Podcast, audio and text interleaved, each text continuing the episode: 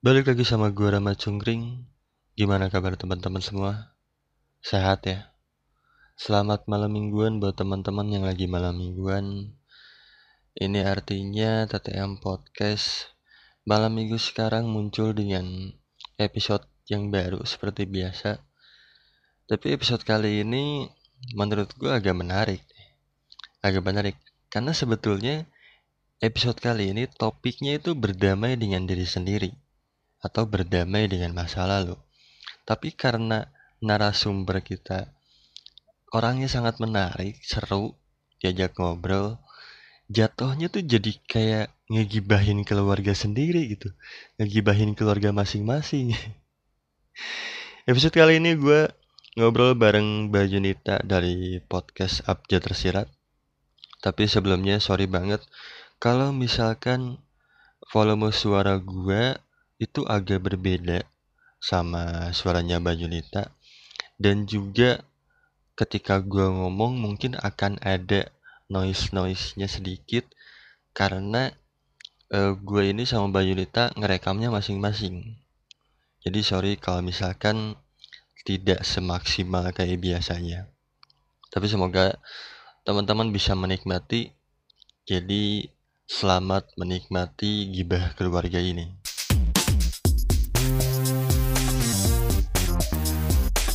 Iya Mbak Yunita akhir akhirnya datang juga ya di TTM Podcast. Terima kasih loh udah mau datang. Iya. Dengan wifi gue yang yang koneksinya koneksi sebenarnya kayak Jakarta Jakarta juga gitu. Walaupun judulnya di Jerman. Aduh. Tapi thank you juga udah ngundang gue Oke, ngomongin tentang sama-sama. berdamai. Gue agak-agak deg-degan gara-gara mikir, ntar gue nangis kayaknya. Gak gue lebay. Ini kan pembahasan udah kita obrolin dari sebulan lalu lebih kayaknya ya. Kayaknya udah hampir dua bulan deh malah. April lah gitu. Baru terrealisasinya sekarang ya. Iya, baru panjangnya nih sekarang nih akhirnya. Dengerin nih, makanya pendengarnya si Rama dengerin nih bakalan jadi kayak tali kasih gitu. Tali kasih. Ini mungkin gue akan Iya. awalnya dengan pertanyaan. Ini kan mau ngomongin tentang berdamai dengan diri sendiri ataupun berdamai dengan masa lalu. Ada kaitannya dengan keadaan sekarang ya. Banyak orang yang belum bisa berdamai dengan keadaan sekarang. Yep, Tapi gue lebih pengen tahu tentang Mbak sih. asik. Setiap Oke. orang pasti punya masa lalu baik buruknya ya. Yap, betul. Dan ada yang sudah berdamai ataupun belum. Mm-mm. Nah, Mbak sendiri ada nggak sesuatu yang ini kayaknya di bagian sini gue belum berdamai, tapi bagian sini udah gitu. Dan gimana sih caranya Oke. Mbak untuk mengatasi itu semua gitu? Baik, baik. Ini sebelumnya kayaknya bakal agak banyak karena em, dan gue berasa kayak ini bakal jadi sesi kayak ke psikolog gitu sih Ram sama lu ngobrol hari ini. Eh, tapi kalau ngomongin mungkin gue start dari yang eh, udah berdamai dulu kali ya. Boleh. Gue pilih eh, satu deh karena kayaknya itu yang gue kira-kira eh, udah lu cukup yakin. Jadi eh, gue sebenarnya sudah berdamai dengan eh, label orang tentang eh, gue ke barat-baratan atau gue kurang agamis gitu. Nah alasannya ini eh, gue mungkin kasih background dulu kali ya ke lu dan beberapa pendengar lu gitu. Jadi gue kan memang eh, asli dari Jakarta tapi udah merantau keluar itu eh, hampir 10 tahun kan. Wah lama juga ya. Iya, jadi gue tuh startnya dari pokoknya gue eh, dari Jakarta, gue kuliah ke Australia, terus dari Australia short story gue eh, menikah sebelum pindah ke Europe dan gue tuh pindah ke Europe tiga tahun yang lalu. Oke. Jadi waktu di Europe itu gue uh, pin tinggal di uh, Spanyol sama di Jerman. Nah sebenarnya yang paling berasa itu sih um, uh, di Australia ya, maksudnya perubahan diri gue gitu dari yang gue keluar dari Jakarta kan baru umur 18 kan. Terus along the way ya singkat cerita uh, gue besar di sana gitu tanda kutip. Uh, besar dalam artian gue kayak mengerti makna hidup kayak gimana, dealing sama masalah tuh yang lebih gede itu kayak gimana gitu-gitu kan. Iya, iya. Karena kan memang gue pindah sendiri ke sana. Iya. Dan of course dengan uh, adanya uh, apa ya tahap-tahap kehidupan yang kayak gitu, pastinya beda dengan lo misalnya uh, besar atau kuliah di Jakarta yang lu tinggal sama orang tua lu gitu kan. Uh, Ataupun di Indonesia aja lah. Iya, pokoknya as long as lu masih tinggal sama keluarga lu, pasti lu beda saat lu kuliah, tapi nggak signifikan kalau lu tinggal sendirian gitu loh. Ini uh, terlepas dari lu mau merantau di luar negeri atau di dalam negeri ya gitu. Uh. Nah, gue tuh padahal waktu itu udah uh, bolak-balik Jakarta tuh setahun sekali, karena waktu itu gue tinggal di Perth dan di Perth ke Jakarta itu cukup dekat kalau pakai pesawat cuma 4 jam lah nah, Berarti terakhir ke Jakarta uh, kapan? Gila hampir tunggu gue terakhir ke Jakarta tuh Desember 2016 Oh udah 4 tahun lalu ya? Iya hampir 4 tahun yang lalu udah terakhir Oke okay, oke okay. Nah jadi tuh pas gue di Australia itu uh, gue pas kira-kira mungkin udah 4 atau 5 tahun gue di Perth kali ya uh, meanwhile bolak-balik itu gue berasa tuh kayak tiap kali gue balik ke Jakarta kok gue kayak alien gitu kayak maksudnya gue beda sendiri di rumah karena pemikiran gue mungkin lebih vokal atau gue lebih liberal atau gue lebih ya gue nggak tau lah mau ngomong apa dan uh, ada beberapa occasion di mana kalau gue sama uh, kakak-kakak gue tuh lagi membahas sesuatu let's say tentang agama atau tentang isu sosial itu tuh gue yang beda sendiri dan biasanya adalah bercandaan atau celotehan ah lu sih udah kelamaan di luar negeri ya oke okay. gitu. misalnya kalau di Indo kan kalau gue ketemu orang atau ya kita ketemu orang kapan kan misalnya ngomong eh lu gendutan nih atau lu kurusan nih. Iya iya. Nah gue tuh nggak suka banget tuh ram kayak gitu. Maksud gue otak lu cetek banget gitu loh. Cuma ngomonginnya sebatas lu gendutan, lu tinggian, lu iteman, lu putihan, lu udah nikah apa belum? Maksud gue apa ya human lives more than that gitu loh. Lu ngerti maksud gue kan? Ngerti ngerti ngerti nah jadi jadi tuh yang kayak gitu tuh gue panasan orang ya kayak maksud gue ini boleh menyumpah serapah kan ya di podcast lu? Nggak apa-apa nggak apa-apa. Slow slow. Iya jadi maksud gue lu goblok banget gitu loh. Ketemu orang kayak itu kan kelihatan lu yang tolol kan? Iya kayak lu nya nggak ada pembahasan apa pun cuma sebatas itu yang lu lihat gitu loh. Uh, anyway yang kayak gitu-gitu tuh hal kecil gitu kalau gue komentar ke keluarga gue keluarga gue selalu bilang ih biasa kali itu mah bahasa basinya orang Indo lu aja yang kelamaan di luar negeri lu sih udah kebule-bulean. Dan anyway banyak occasion accumulated ini gue singkatin banget nih ya kalau nggak ini bisa dua jam. Um, singkat cerita adalah uh, clash antara gue sama keluarga gue uh, dalam hal-hal yang menurut gue uh, prinsipal gitu uh, dalam pegangan hidup gue. Misalnya gue nggak mau punya anak gitu. Dan um, itu kan kayaknya something yang kurang uh, umum ya di budaya timur kita ini gitu loh. Iya, Kayaknya betul, lu tuh kalau udah nikah, lu punya reproduksi ya beranak lah gitu. Apa salahnya lu gak punya apa punya anak gitu? Iya, jangankan itu dari dari umur aja kan udah ini umur 28 iya, atau 29 iya, lu belum nikah itu aja, kan. Iya kan, maksudnya udah nikah uh, kayak gitu-gitu ya statusnya ditanyain kan. Iya. Dan iya, uh, uh. pokoknya gue sempet ribut uh, cukup heboh nggak yang trek-trekan cuma uh, ada perbedaan pendapat antara gue sama kakak-kakak gue dan di situlah gitu kayak ah lu mah orang emangnya keboleh-bolehan lagi. Jadi maksud gue gue tuh keselnya kayak kenapa gue tahu gue berubah gitu tapi kenapa lu mesti membawa keboleh-bolehan itu seakan-akan itu dosa terbesar gue saat gue berubah pikirannya seperti itu gitu kan. Dan of course gue mem, apa ya um, memerlukan adaptasi gitu loh antara oke okay, sekarang gue bukan Yunita yang dulu gue 17 yang inosen yang kalau bokap nyokap gue ngomong apa gue iya iya aja gitu loh. Atau kakak gue ngomong apa gue iya iya aja karena kan gue anak paling kecil kan. Dan gue sekarang udah punya opini gitu loh. Dan kita sekarang uh, realitanya adalah kita udah sama-sama jadi dewasa.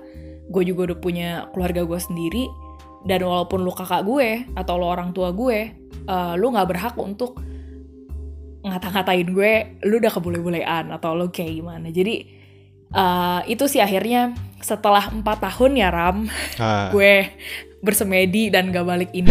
Gue pelan-pelan bisa uh gila bisa uh, mencoba untuk berdamai sih. Dari kalau tadi lo tanya caranya ya mungkin kalau gue gue perlu space sih untuk tidak bertemu keluarga for that long gitu. Walaupun kayaknya ekstrim banget ya cuma ya gue butuh bener-bener mengenal diri gue sih siapa selama empat tahun di Eropa ini gitu. Wow empat tahun lumayan lama juga ya.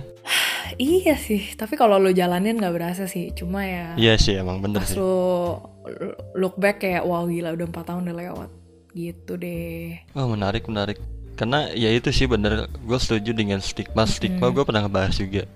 Kenapa sih banyak orang ketika bahasa basi itu nggak seharusnya gitu? Ngobrol ini inilah ngomongin fisik lah dan lain-lain gitu nanya lu udah nikah belum? gitu nanya hal-hal yang kayaknya lu nggak perlu tahu deh gitu. Kayaknya lu nggak harus sedetail itu deh nanyanya gitu. Iya itu kan hal yang personal maksud gue.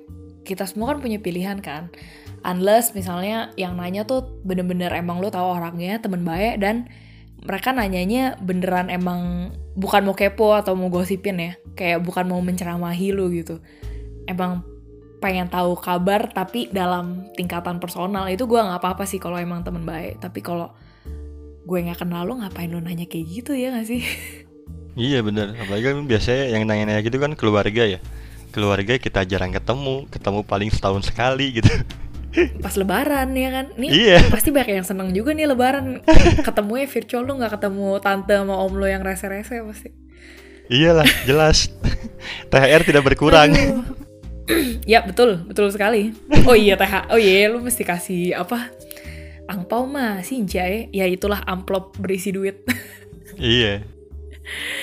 Aduh ya, itu sih. gila gue juga sama uh, yang gak fair kan kalau misalkan cuman baja yang yang cerita di sini juga gue pengen berbagi pengalaman gitu iya yeah, iya yeah, yeah. mungkin kalau gue sih salah satu hal yang belum berdamai ya dulu ya mm. belum berdamai itu ada kaitannya dengan dengan keadaan sekarang mbak kalau gue kalau lu apa kalau berdamai iya mm. yang belum berdamai oh, oke okay, oke okay. ini adalah tentang keluarga gue. Nah iya, ini gantian nih, gue kan belum tahu lu nih cerita cerita. Iya, yeah, huh orang tua gue kan emang udah pisah sejak lama ya.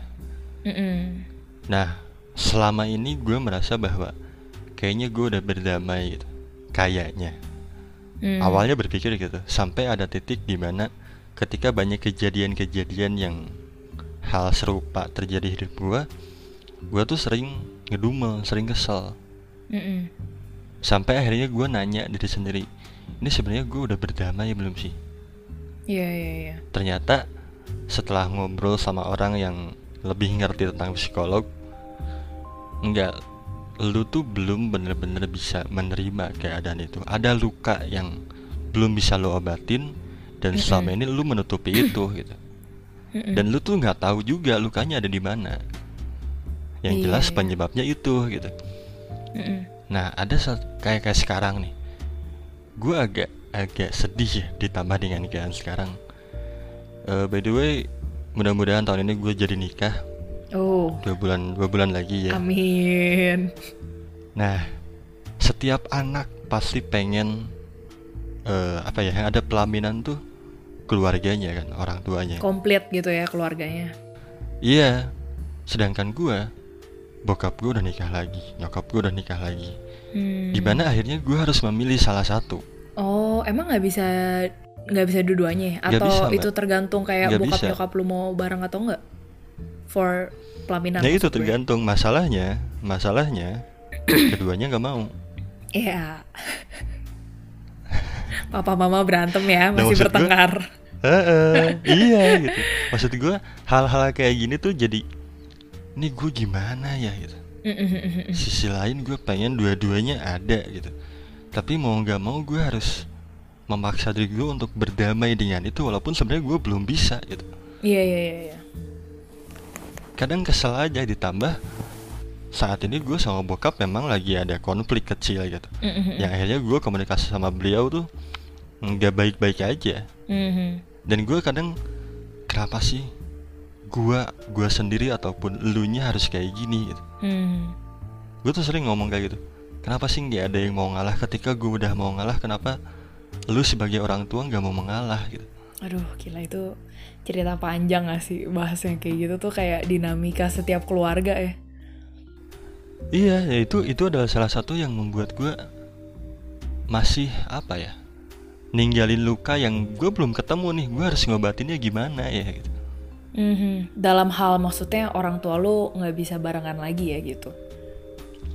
Iya gitu maksudnya gimana sih caranya biar kalian baik-baik aja gitu jangan sampai kita udah harus menerima kalian berpisah masa kita harus menerima embel-embel yang lainnya juga gitu. Iya iya. Tapi sorry mau nanya, lu anak sendiri atau punya saudara juga di rumah? punya punya adik Ah, lu punya adik. Jadi lu anak paling gede ya? iya Ah, I see, I see. Nah kalau gue kan gak masalah ya gue kan cowok ya di, sa- di posisi ini gitu Hmm. nah adik gue yang cewek Iya, iya, iya. iya. ketika dia mau nikah itu kan lebih ribet ya kalau misalkan merekanya masih tidak mau berdamai kan jadi masalah nantinya gitu Iya iya benar-benar. Tapi sebenarnya ya Ram ya, maksud gue kita ngomongin keluarga nih. Gue rasa kalau kita mau tarik ke belakang ya tentang masalah lu bisa berdamai sama diri lu atau enggak atau berdamai sama situasi apa pun itu, gue sih merasa eh, despite of misalnya relationship pacaran atau kayak gimana, balik lagi ke keluarga sih yang cukup dalam karena kan dari dulunya kita ya itu circle zero kita kan yang paling pertama gitu. iya iya Kalau menurut gue sih kalau dalam cerita lu ya, gue gue kan tidak mengenal lu dekat dalam artian secara personal gue tahu kenapa keluarga lu pisah misalnya atau Ah, lu udah pernah ngeliat trauma apa aja di keluarga lu atau whatever lah ya. Cuma kalau dari gue sih mungkin em, konsep berdamai itu teorinya ini teori ya prakteknya susah. teorinya adalah ya oke teori kita teori kita teori teori ya. Teorinya adalah oke. Ah, case pakai case lu ya. ya Lu berharap atau lu mau orang tua lu dua-duanya ada di pelaminan, iya benar benar. Ya kan? Itu dulu dah itu dulu. Kita tulis gitu ya di otak. Kenyataannya tidak tidak mungkin itu terjadi ya kan? Nah kalau yang gue bisa mungkin bagikan ke lu atau mungkin orang yang juga eh, punya isu seperti ini di balik lu pengen mereka ada physically sebenarnya deep down itu lu tuh membutuhkan apa sih? Gitu karena kan ini eh, kehadiran mereka secara fisik di dalam pelaminan kedua-duanya itu kan cuma surface-nya doang kan? Cuma ya de- depannya doang lah tapi ini dalamnya ada lagi nih yang kita mesti gali dan kita nggak tahu itu apa gitu unless kita bener-bener tanya terus kayak yang temen lu bilang lah lu tahu ada luka tapi lu tuh nggak tahu lukanya tuh di mana jadi lu bingung mau ngobatinnya gitu kan benar benar Hahaha. ke dalam lah ibarat kata.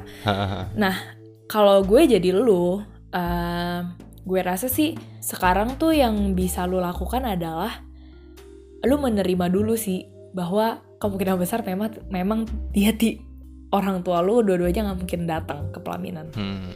Ngerti kan? ngerti Lu ngerti mesti choose salah satu. Itu yang lu harus semua konsep mau masalah apa pun gue rasa semua konsep berdamai itu adalah lu terima dulu emang lu nggak bisa dapetin apa yang lu mau intinya itu nah yang kedua adalah gue rasa eh, konsep berikutnya yang menurut gue juga global lu tanya sebenarnya lu tuh butuhnya apa sih secara emosional gitu? Oke. Misalnya, kalau pakai case gue nih, gue kan dulu nggak bisa berdamai dengan perubahan diri gue kan, secara maksudnya secara pemikiran uh, clash sama keluarga gue. ya. Nah, sebenarnya gue tuh dalamnya lagi nih kalau kita mau korek-korek nanahnya gitu ya. Lu tuh pengen apa? Nah kalau kasus gue gue itu pengen banget orang cuma ngerti gue gitu gue udah capek di misunderstood sama circle luar kenapa circle dalam juga gue mesti tetap di misunderstood gitu loh. Uh. Dan jadi kan sebenarnya tema besarnya itu adalah gue butuh dimengerti. Dan nggak masalah, lu nggak perlu nggak perlu merasa uh, self guilt atau whatever it is. Dan mungkin dalam kasus lu adalah uh, mungkin lu butuh uh, ngeliat orang tua lu itu uh, damai. Mungkin lu butuh kedamaian. I don't know, gue nggak tahu ya. Itu lu mesti cari tahu dan jawab sendiri gitu loh. Iya yeah, iya. Yeah. Dan kalau misalnya saat lu udah tahu jawabannya itu misalnya A gitu ya, ya hal berikutnya kalau lu tahu dengan bikin orang tua lu dua-duanya datang ke pelaminan itu nggak mungkin, berarti lu sendiri yang mesti cari tahu jawaban apa yang lain yang bisa bikin setidaknya situasi lu mendingan? Gitu. Mungkin nggak langsung berdamai gimana banget lah kayak within two months gitu loh lu. Itu kayaknya cepet banget kan. Apalagi ini kan trauma kayak trauma keluarga yang nggak mungkin bokap nyokap lu cerai dalam satu hari berantemnya. Itu kan pasti udah yeah. yang lu sama ade lu udah ngeliat lah dari tahun-tahun sebelumnya. Jadi menurut gue sih ya tiga itu sih lu menerima itu uh, kenyataannya emang nggak mungkin datang kayaknya dua-duanya kedua ya lu gak lu gali-gali lagi sebenarnya di balik ini lu tuh butuh apa sih? Dan yang ketiga ya coba cari alternatif solusi yang lain yang mungkin bisa lebih meringankan hati lu. Itu ya, hopefully gue membantu. Iya ya, makasih banget loh sebelumnya. Maksudnya ini bukan bukan pembelajaran bukan buat gue aja gitu, tapi buat mm. teman-teman yang lain yang lagi dengerin podcast ini gitu. Mm. Mungkin teman-teman yang lain juga bisa melakukan hal yang sama gitu. Iya yeah, iya. Yeah. Dan kalau lu sendiri kalau yang udah berdamai apa tadi kan kalau gue udah yang berdamai itu satu kalau lu yang berdamai ini tentang mantan sih tentang mantan gue oh eh yang waktu itu lu bikin ceritanya bukan sih aduh gue agak lupa ya yang mana ya oh mantannya banyak mungkin eh jangan disebutin di sini dong. Nggak gue gue menunggu lu cerita aja kalau gitu. Gue menunggu lu cerita aja kalau gitu.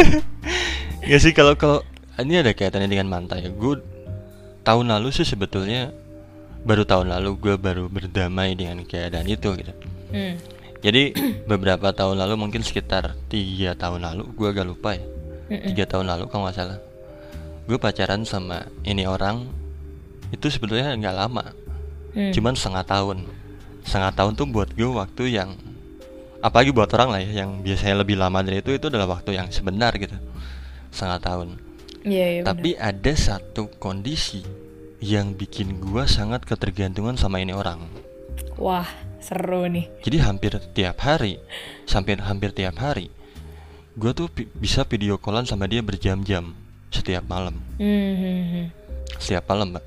Dan uh, waktu sama dia tuh, ini kan LDR ya. Gua waktu itu masih di Bandung dan dia di Tasik. Ah, oke. Okay.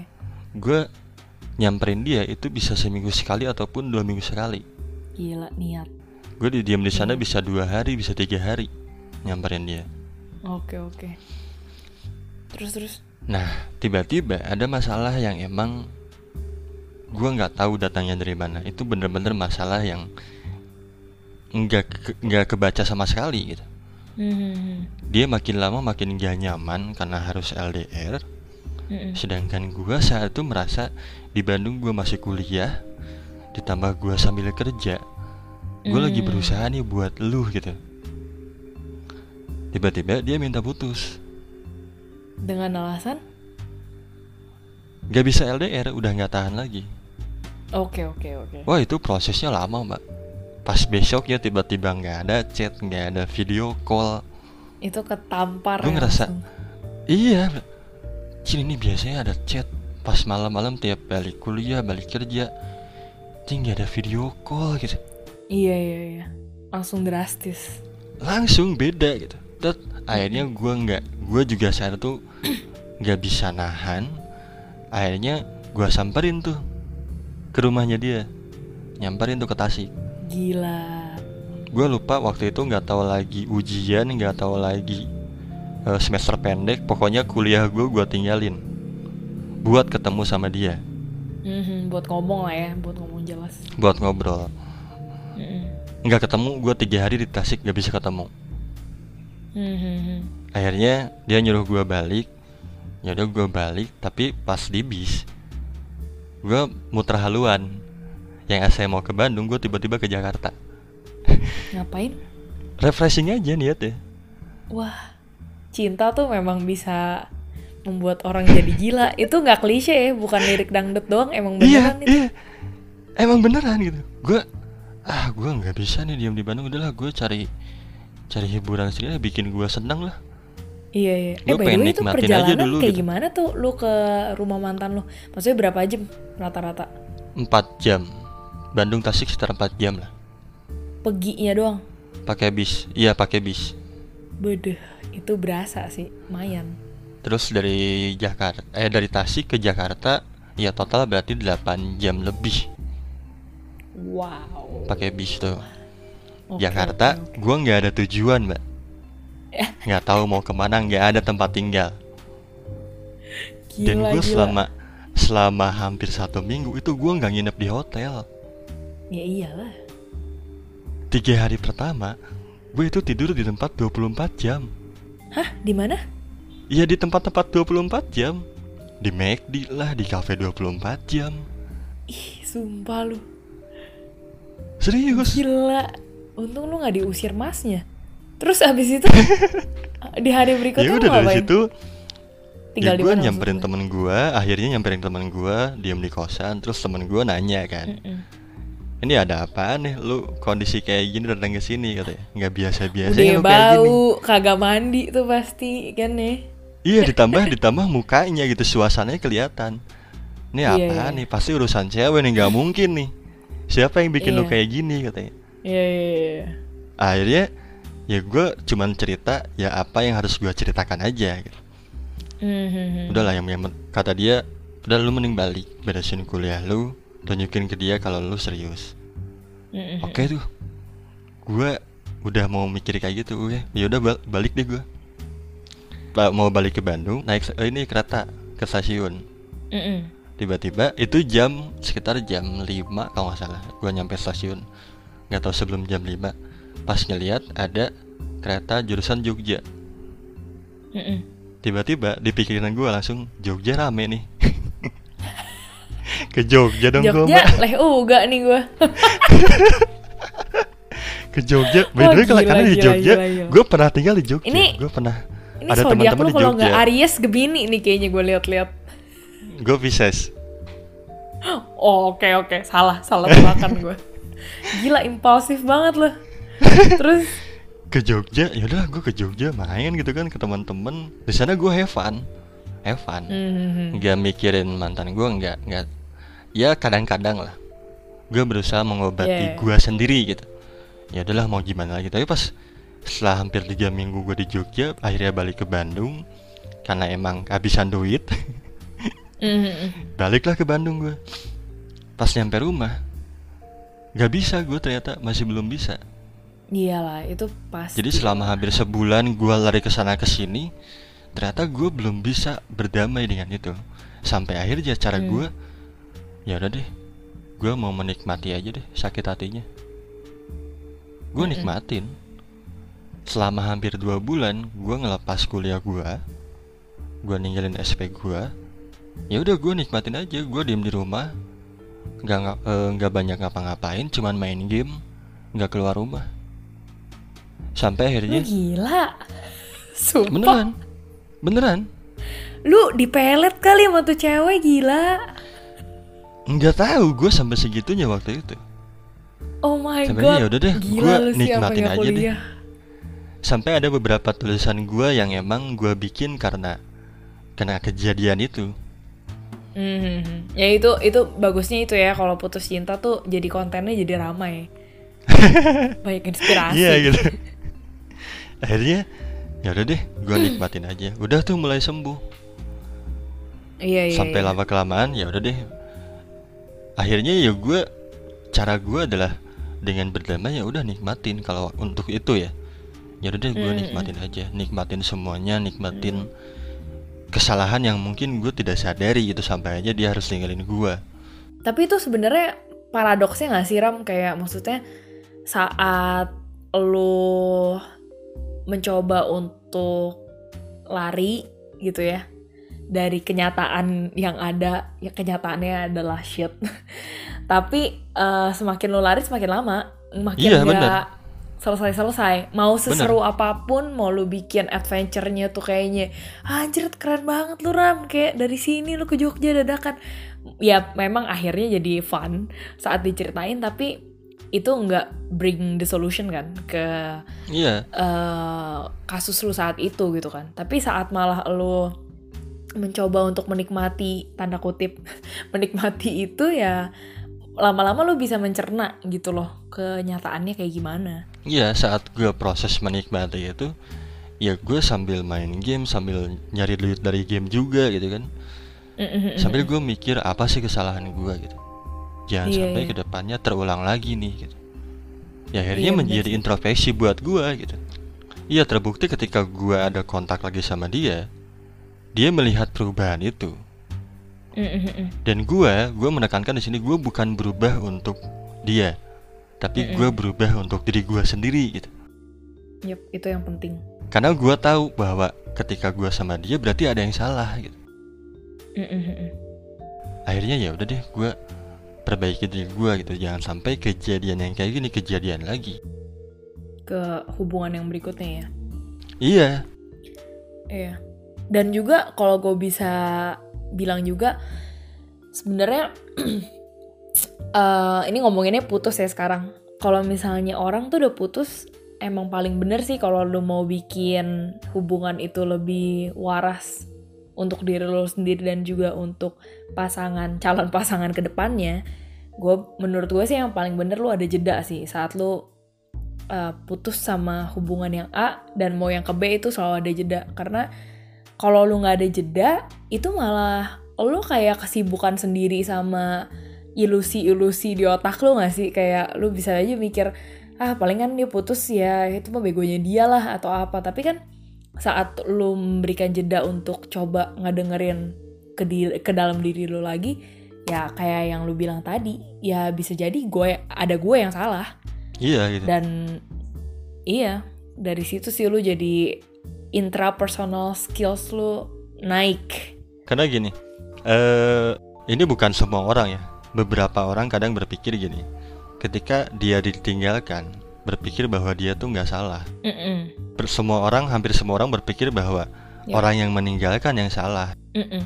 logikanya gampangnya Iya gitu. Padahal kan pasti dari kitanya pun ada ada salahnya. Nggak mungkin dia semata-mata ninggalin kita tanpa alasan gitu. Mm-mm. Kecuali kalau kasusnya perselingkuhan itu beda lagi kan. iya iya iya. Tiba-tiba ada ada ada yang ditinggalkan berarti kan ada sesuatu nih yang harus ditanyain. Mm-mm. Entah itu ke orangnya ataupun ke diri sendiri gitu. iya iya iya dan kalau misalnya hubungan sih ya namanya hubungan ya lu nggak ada asap kalau nggak ada api lah jadi memang itu kan kerja sama antar dua orang kan unless misalnya ya nggak tahu ya kalau menurut gue even perselingkuhan pun eh, sebenarnya akumulasi dari beberapa hal yang nggak beres dari hubungan itu sih yang bikin salah satu atau keduanya sama-sama selingkuh misalnya gitu. Walaupun tidak gue gue tidak membenarkan perselingkuhan itu ya maksudnya gue nggak justified tapi eh, pasti ada aja kalau lu misalnya mau memberikan tuh orang second chance pasti kan lu ngobrol dulu kan kayak lu selingkuh tuh kenapa sih atau kita tuh selingkuh kenapa sih ya pasti selalu ada alasannya lah di balik itu Iya.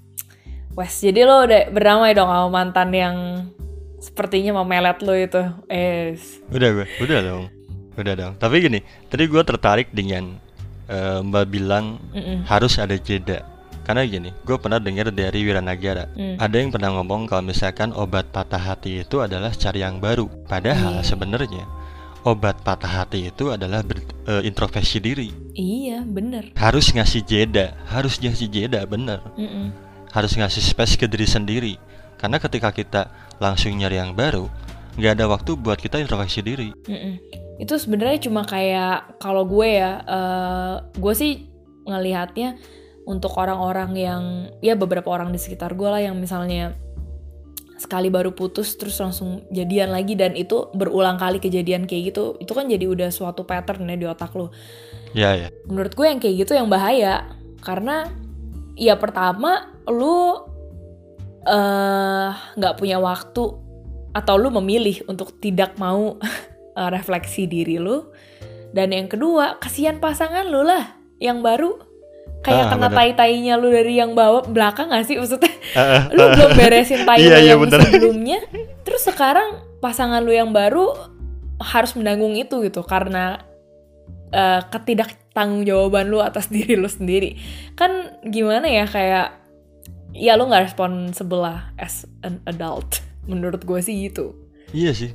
Ya itu ada ada cara. Gue ya, semua orang punya cara yang masing-masing lah ya. Mbak juga dengan caranya mbak gitu gue dengan yeah, iya. caranya gue gitu. Iya yeah, yeah, benar-benar tapi sebenarnya gitu ya. Berarti kalau kita kalau kalau kita lihat pattern tentang berdamai itu semuanya perlu jeda dan space.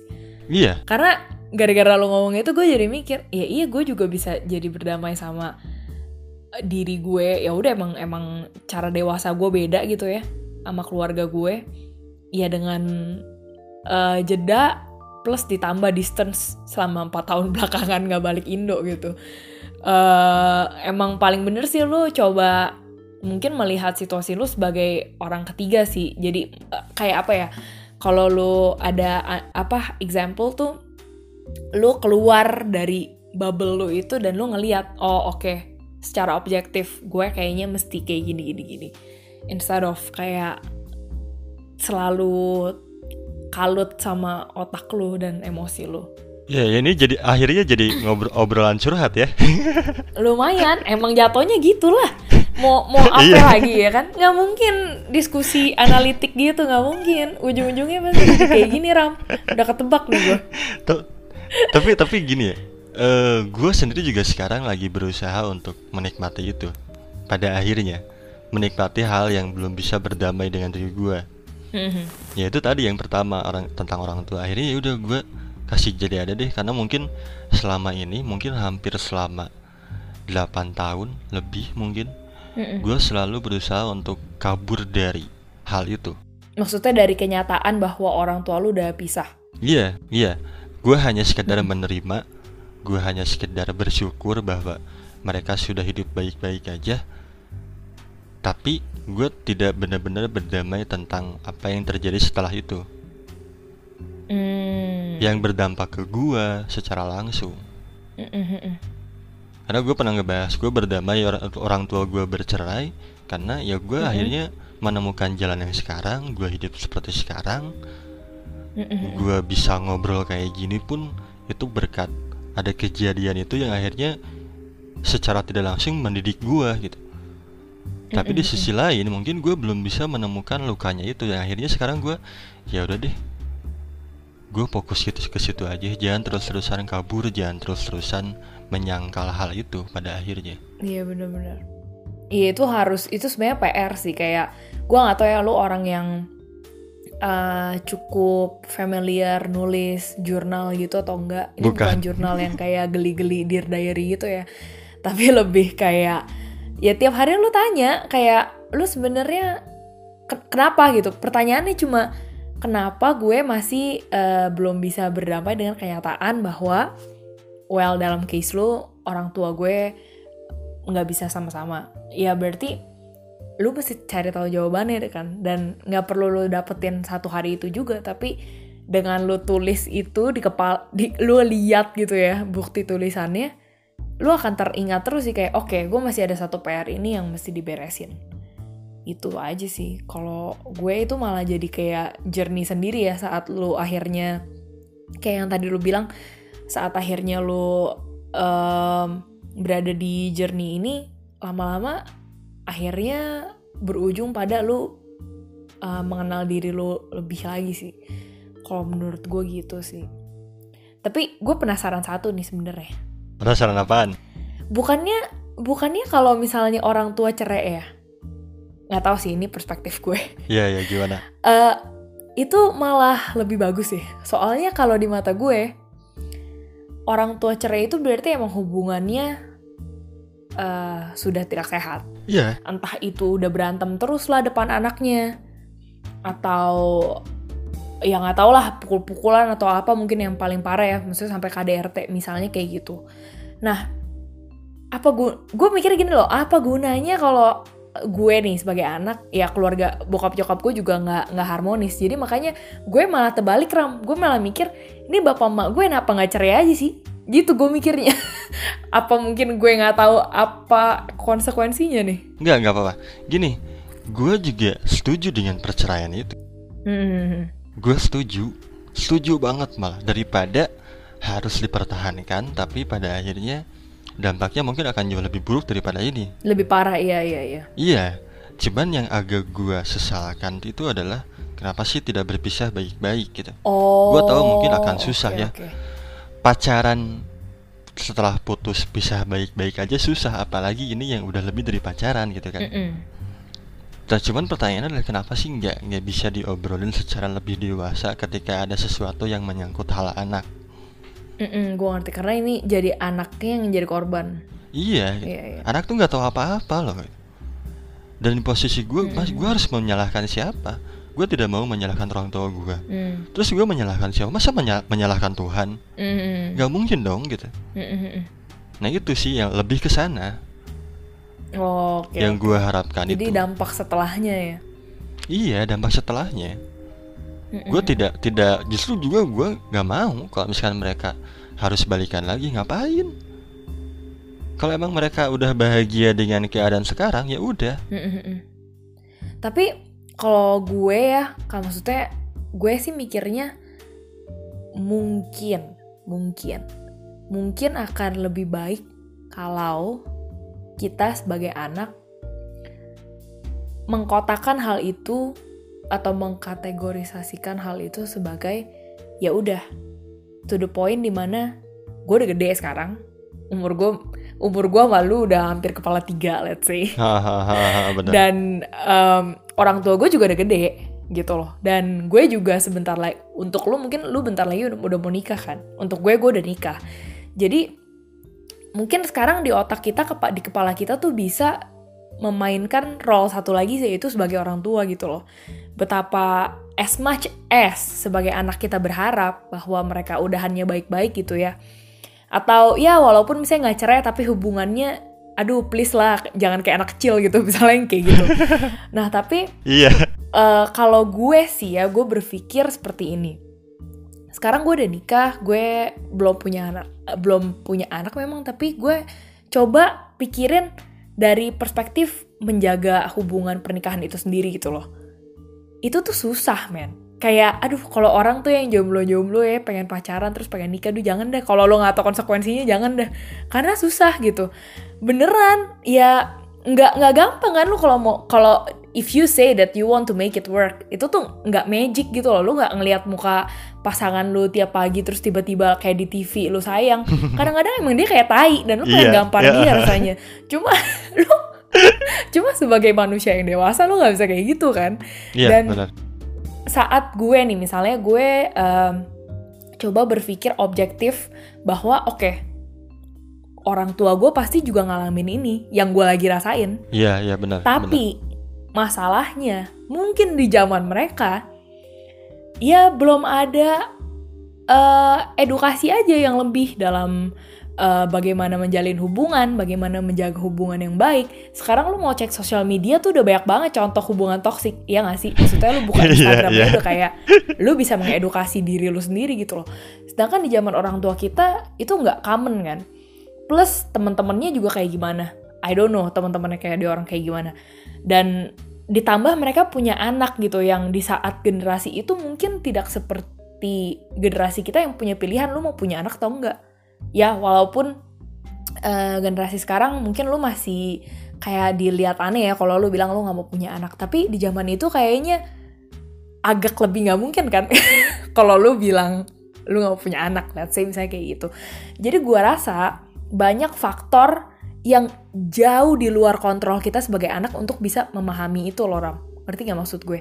Jadi banyak faktor dari bokap nyokap kita du- dulu tuh jadian kayak gimana, pas jadian tuh dapat pressure apa, kenapa mereka nikah pun kita nggak tahu gitu loh. Mungkin mereka juga nggak tahu alasan kenapa mereka menikah in the first place. separah itu sampai maksud gue saat gue nih misalnya sebagai anak gue menyadari kenyataan itu gitu bahwa orang tua gue itu juga orang bukan ya pasti mereka ada sampahnya intinya itu gue somehow bisa sedikit lebih menerima ketidaksempurnaan hubungan mereka karena mungkin udah ada di posisi yang sama ya dan gue mikir ya udah gue ngerti juga emang susah banget buat menjaga hubungan yang baik, apalagi lu punya anak, dinamikanya jauh lebih beda. Dan ya udah, kalau gue udah tahu itu bukan banyak banget hal yang di luar kontrol dan knowledge gue, mungkin ini saatnya gue melepaskan bahwa ini adalah PR lu berdua gitu loh, PR uh, bokap nyokap lu. Uh, pertanyaan tentang, bisa balik lagi ke lu ya, pertanyaan tentang kenapa sih lu tuh nggak bisa baik-baik? Buset Ram, itu tuh gue rasa pertanyaan mereka yang mengganggu otak mereka sebelum mereka tidur ya. Masalahnya mereka tahu, mereka tuh malu-maluin ke depan anaknya. itu gue jamin. Tapi nggak bisa ngomong itu kan Ram, nggak bisa ngomong ke lu gitu loh, nggak bisa ngomong kayak, iya dulu tuh gue bego tuh nikahin mak lu. Nggak mungkin Ram, nggak mungkin. And you will never get that kind of answer gitu loh. Jadi itu adalah to the point di mana itu PR-nya bokap nyokap lu sih udah bukan PR lo lagi untuk kenapa sih lu tuh nggak bisa baik-baik karena lu nggak pernah tahu sejarah mereka jauh sebelum married tuh kayak apa so ya kalau gue sih udah cukup bisa berdamai dengan keadaan itu ya walaupun keluarga gue juga masih rada dahsyat gitu dinamikanya iya sih itu masih agak agak sulit buat gue ketika emang Iya, iya. Ketika emang baik-baik aja sih nggak masalah, tapi ketika ada kejadian-kejadian yang ada kaitannya dengan itu, bikin gue, aduh ini lagi, ini lagi, ya? ngapain ya? sih gitu, iya, iya. gitu. Lo tuh kan kayak orang tua kita tuh, nih gue jamin nih bapak malu juga pasti sama dah kalau waktu belum cerai. Kayak berantemnya kan sebenarnya berantem gede ya. Nggak tau lah hal prinsipal antara mereka berdua ya gue nggak tahu apaan misalnya. Uh, uh. lu juga pasti masih mungkin menerka-nerka gitu hal prinsipal mereka tuh apa sih yang bikin berantem? Uh. cuma kan lama-lama jadi gede kan? Eh iya jadi gede dan efek hal-hal kecil di rumah misalnya. Misalnya nih bokap gue tuh kalau gue lagi ke Indo bokap gue marahnya tuh sama ram. Udah 30 tahun lebih nih nikah. Nyokap gue kalau nutup pintu ngebanting pintunya marah tuh 30 tahun lebih. Wow. Jadi maksud gue hal kecil yang kayak gitu tuh sebenarnya bukan apa ya bikin stres anak tuh gak karena menurut gue kita kayak udah udah lebih teredukasi mungkin dalam hal bagaimana lah teori hubungan yang sehat tuh kayak gimana dan seharusnya gimana tapi mereka tuh still stuck in that kind of relationship gitu loh yang gue kayak aduh oh my lord. Kayak kadang-kadang tuh gue ngerti capeknya lu sih kayak aduh ya Ella ini lagi ini lagi. Gue kayak iya. Eh kalau gue pintu. Gue udah kayak hmm. capek gue iya jengkel ya. Kayak pernah ada kejadian gini mbak. Ini sih sebenarnya nggak ada hubungannya harusnya nggak ada hubungannya sama sekali ya. Mm-hmm. ini gue jadi waktu dulu pernah pacaran waktu SMA sama yang keluarganya latar belakangnya sama orang tuanya. Mm-hmm. udah bercerai. Mm-hmm. tapi perbedaannya adalah mereka baik-baik aja Mm -mm. Dan ketika nyokap gue tahu gue pacaran sama anak dari keluarga tersebut, mm -mm. komentarnya gini, cari pasangan tuh yang bener, jangan dari orang tuanya yang udah bercerai. Lah, gue apa mah? Ibu nggak mau. Nah, maksudnya ibu nggak mau kalau misalkan iya. kamu mengalami hal yang sama kayak ibu. Lah, terus gue apa? Iya. Gue juga kan latar belakangnya sama. Uh -huh. Justru bukannya harusnya kita jadi sama-sama mikir ya ketika ngeliat orang tua kita sama kayak gitu. Yeah, Kok malah bener, berpikir bener, sebaliknya sih gitu? Terus di ungkit ungkit lagi. Ini juga waktu dulu gini gini sama macam bapak lu kamu gini gini lah kok nggak nyambung ke sana sih kata gue kenapa dikaitin ke sana iya gitu. itu makanya kan maksudnya balik lagi nih ini sebenarnya udah bukan PR anak-anak lagi nih. Ini sebenarnya PR balik ke orang tua atau nggak lo mereka yang mesti di code ini ya. Soalnya kayak lo bilang sih anak tuh jadi korban sih ram. Jadi kayak maksudnya iya gitu. ini bukan PR lu ya dalam kasusnya bukan PR lu tapi nyokap lu jadi kayak ngungkit-ngungkit ke bokap lagi kan? I mean aduh iya yeah. kok nyungkit ke sini lagi sih kata gue perasaan gak ada hubungannya deh. Aduh iya iya gue gua ngerti sih. Aduh males banget tuh. Itu sih hal-hal kayak gitu yang kadang-kadang bikin gue jengkel makin lama makin ya Tuhan udah dong gitu. Kenapa sih? gitu. Iya. selalu dikaitkan Tapi dengan hal kayak gini dari- terus gitu. Kalau dari lu sendiri nih, maksudnya bokap nyokap lu, lu dapet penjelasan nggak sih? Maksudnya kenapa mereka cerai? Atau misalnya lu lu tuh lu tuh komunikasi sama keluarga apakah terbuka atau yang tipe-tipe orang tua zaman dulu yang kayak tough love gitu atau gimana? Iya, kalau misalkan tahu secara detail alasannya sih enggak ya. Cuman yang gua lihat sih ya dua-duanya nggak bisa merendahkan ego masing-masing. Itu sih yang gue lihat dari beberapa cerita mereka gitu. Mhm. Bokap gua cerita kayak gini, nyokap gua cerita kayak gini. Ya jadi gue menarik Mm-mm. kesimpulan, oh kalian berdua nggak bisa saling merendahkan ego sampai akhirnya Mm-mm-mm. nabrak nih akhirnya. gitu. Dan sebenarnya ya paling paling toksik dari ini tuh saat bokap nyokap lu nggak bisa ngomong terbuka, jadi lu denger dari bokap lu, bokap lu ngatain nyokap lu dan sebaliknya. Itu tuh yang jadi anak kayak gila men, pala gue mau pecah dengernya. Iya gak sih? Iya makanya Ya gue tuh dulu sampai Bener-bener apa ya ngerasa Kayak udah orang gila Ngadapin itu sendirian Iya iya. Lu beda sama adek lu agak jauh ya umurnya. Empat tahun Empat tahun Ya lumayan berasa sih. Mungkin saat itu kejadian adek lu masih terlalu kecil juga buat nah, Iya menjadi bahan apa jadi teman diskusi lo ngomongin bokap nyokap. Ya itu sih Tapi sampai akhirnya sekarang ya udahlah Hal-hal kecil kayak gitu masih Masih gue hadapin Dan gue mulai Belajar untuk nerima. Mm-mm. Masih belajar untuk iya. menerima gitu. Ya inget aja Ram, pokoknya satu itu PR-nya di orang deh. Udah itu aja udah. Itu PR mereka. Bukan PR-nya gua ya. Gimana? Iya, bukan PR lu tuh buat bantuin cari jawaban kayak eh, misalnya gini deh. eh kalau dari gue ya, eh, bokap nyok bokap gue tuh eh ya tukang selingkuh lah intinya itu. Nah, gue memang tidak membenci hal itu. Gue juga nggak tahu kenapa, tapi yang apa ya mungkin gue mikir ya udahlah cowok pasti ada yang kayak gitunya. Mungkin gue mikir gitu jadi gue kayak bodoh amat gitu. Iya nah cuma kan itu imp- impactnya kan ke nyokap gue yang jadi curigaan banget kan. Pokoknya apa-apa tuh kayak itu papa kamu pasti selingkuh. Kayak selalu kayak gitu gitu. Kayak baliknya ke awal lagi kayak ya ampun lu kalau nggak maafin ya udah pisah lah. Tapi saat gue bilang kenapa lu nggak pisah selalu ada alasan. Jadi intinya nggak ada solusi. Ah, dan makanya gue jadi mikir to the point di mana ya udah ini kayaknya dulu ya dulu tuh gue mikir kenapa sih lu orang tuh berantem hal yang sama terus kayak kenapa gitu loh. Tapi gue capek sendiri kan sampai akhirnya gue mikir loh ini bukan tugas gue mikirin lu lu berdua yang mesti bikin PR ini gitu loh. Lu berdua yang mesti nanya kenapa kenapa kita berdua selalu kayak gini? Pertanyaannya kayak gitu dong kayak ya urusan gue mas sebagai anak ya gue ada batasnya gitu.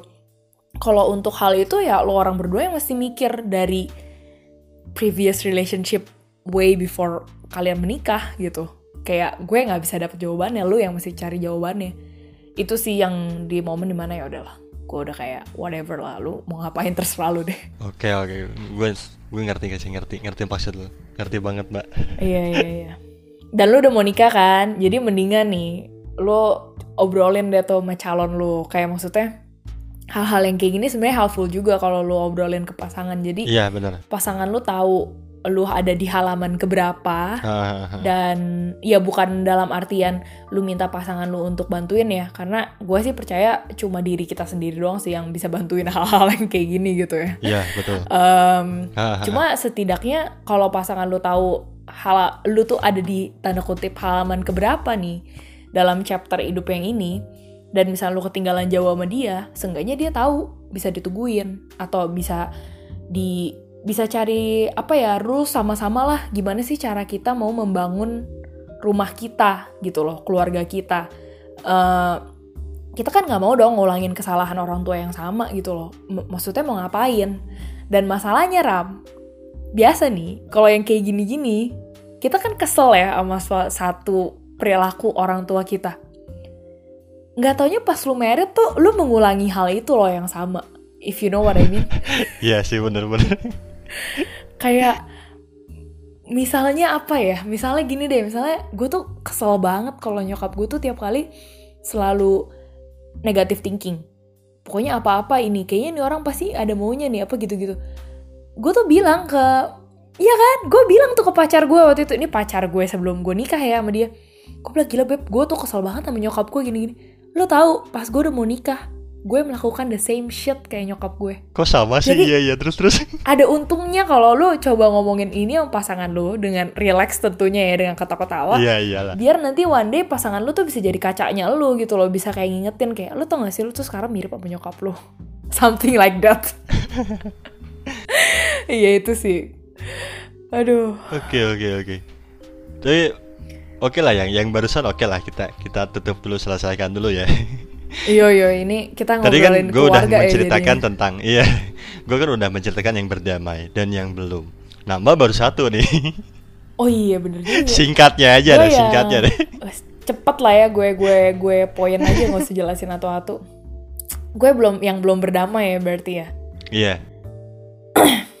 Kalau gue yang belum berdamai, gue pilih satu deh yang paling gede.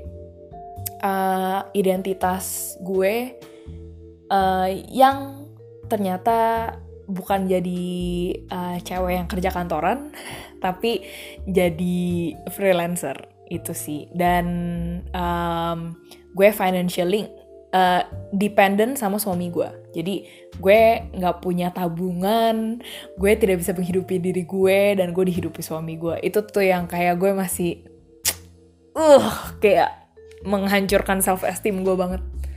Itu kalau gue sih. Masih susah ya berdamai dengan itu ya. iya sih ram. Soalnya ya gimana sih lu nggak perlu jadi cewek tapi kalau misalnya ekspektasi lu misalnya lu jadi cowok eksekutif muda terus tiba-tiba kenyataannya 10 tahun kemudian let's say lu jadi abang cendol kan bete ya maksud gue. Iya bener bener bener. for whatever reason lah gitu.